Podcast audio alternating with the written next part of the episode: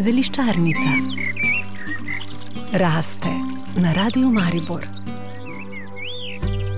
Prejšnji teden smo v zeliščarnici predstavili zdravilne moči Ingverja. Posnetek te in vseh ostalih zeliščarnic najdete v spletnih arhivih Radia Maribor in RTV 4D ter v spletnem središču za zdravje Pikanet.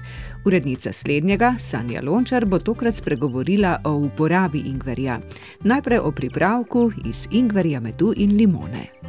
To je pogojno čudovit pripravek, pravim pogojno. Pogojno zato, ker ingver mora biti dober ingver, med mora biti res uh, kakovosten, suhi med in limona mora biti ekološka, nešpricana limona. Torej, če imamo tri slabe sestavine, iz tega ne moremo narediti dobrega pripravka. Kvečemu, ko mi med, ki ni dovolj suh, torej nima veliko v sebi moči, da samega sebe konzervira, če mi njemu dodamo mečkano vlage, se v njemu že začne razvijati gojišče potencijalnih mikrobov. In uh, limona je precej vlažna, torej dodamo sok limone, dodamo sok ingverja, precej razrečimo vse med in se lahko zgodi, da se bo ta naš pripravek kar kmalo sprevrgal v nekaj, kar nam lahko škoduje. Če delamo take pripravke, potem jih delajmo v manjših količinah in priporočam, da jih hranimo na hladnem in porabimo v relativno kratkem času.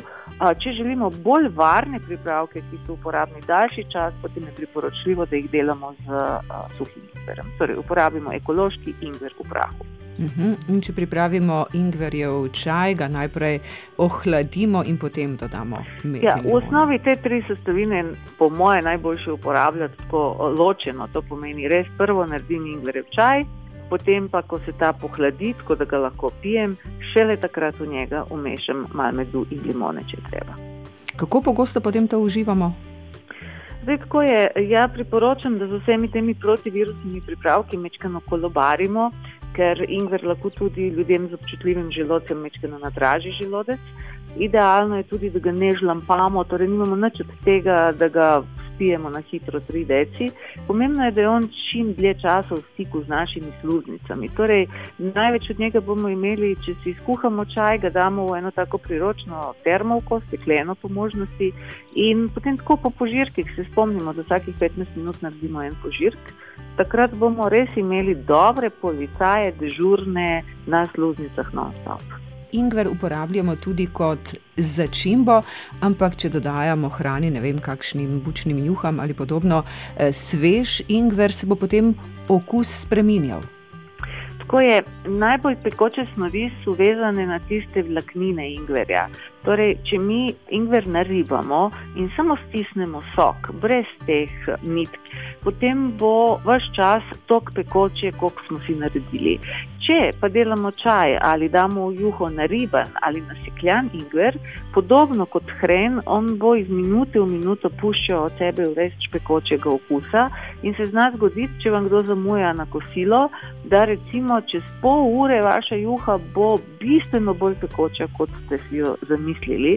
Zaradi tega tam, ker bomo neko jed dlje časa imeli na mizi ali jo bomo mogoče hoteli še malo pogreti, priporočam, da samo stisnemo sok ingverja brez vlaknin.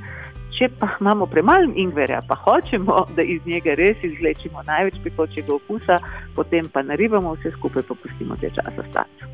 Hvala tudi za ta kulinaričen nasvet, Sanja Lončar. Sicer pa naj ingver ne manjka v teh dneh, ki že so ali prihajajo. Lepo se imejte, do danes teden. Hvala lepa, dobro zdravje vsem. Zeliščarnica raste na radiju Maribor.